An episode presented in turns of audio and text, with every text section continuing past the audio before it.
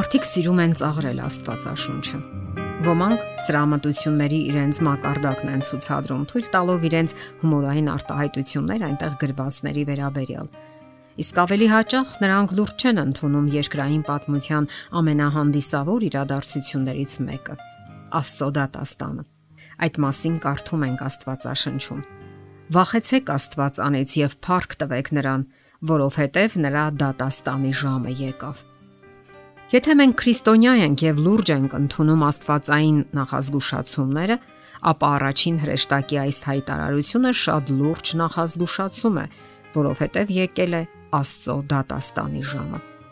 Սա նշանակում է, որ եկել է ժամանակը, երբ տիեզերքի տիրակալը պետք է դատի այս աշխարհը,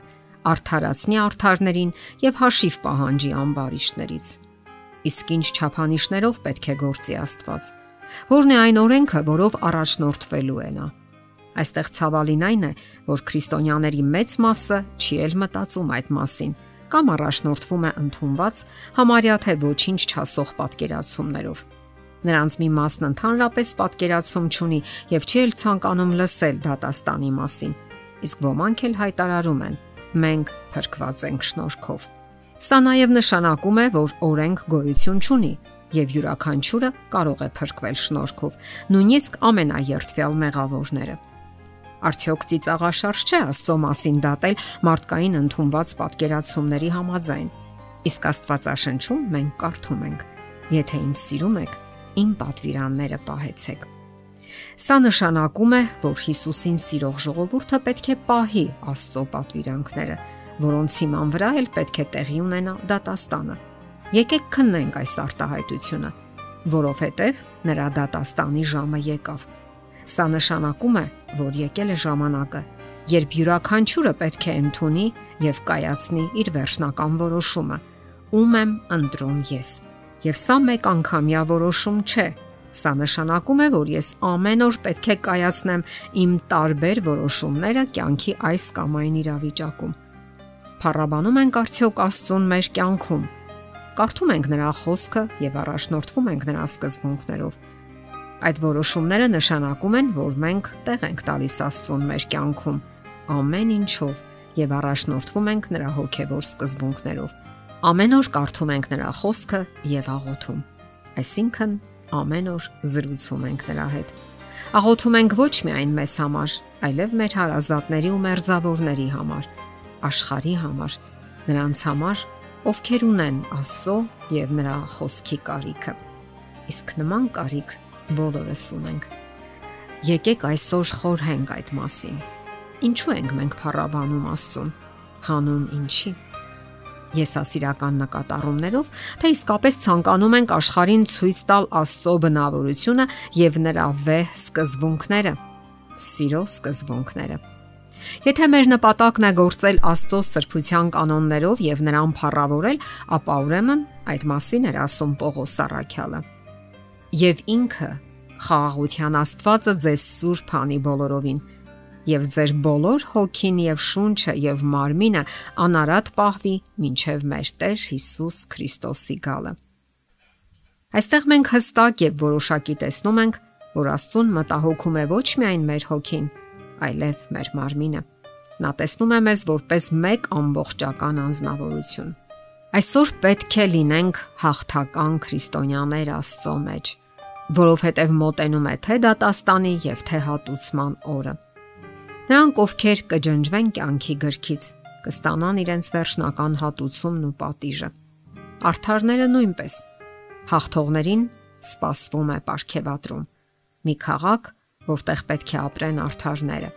Աստվածաշնչում Հիսուսը բազմիցս խոսել է այդ մասին եւ հիշատակել իր քարոզներում։ Նա ինքը եկավ մեր աշխարհ, տարապեց եւ անարգ մահ ընդունեց այն բանի համար,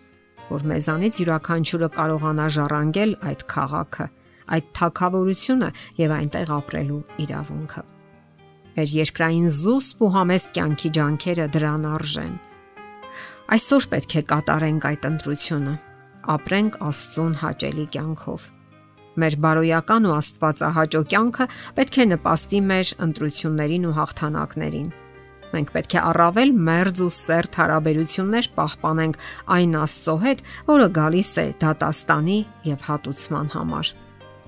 Նա պետք է հատուցի արթարներին այն դառնությունների ու տարապանքների համար, որ կրել են այս կյանքում եւ դիմացել բոլոր դժվարություններին։ Ահա թե ինչու կարևոր է, որ արդեն այսօրվանից կարգավորենք մեր հարաբերությունները Աստծո հետ, որովհետեւ դա թույլ կտա դիմանալու դատաստանի մեծ օրը։ Իսկ որ հատկություններն են, որոնք արգելելու են մուտքը հավերժական կացարաններ։ Կարդում ենք.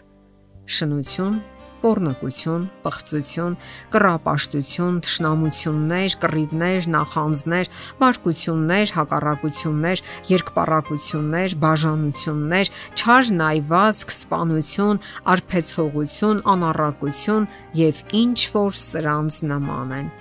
Իսկ ահա Աստծո խոսքը բավականաչափ հստակ եւ որոշակիորեն հայտարարում է. այսպիսի բաներ գործողներն Աստծո արխայությունը չեն ժառանգի։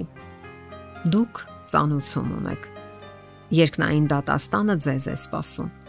Եթե նույնիսկ մարդիկ կարողանում են խուսափել երկրային արդարադատությունից գումարի օգնությամբ, կաշառելով դատավորներին կամ պարզապես թաքնվելով ու թաքցնելով իրենց արարքները,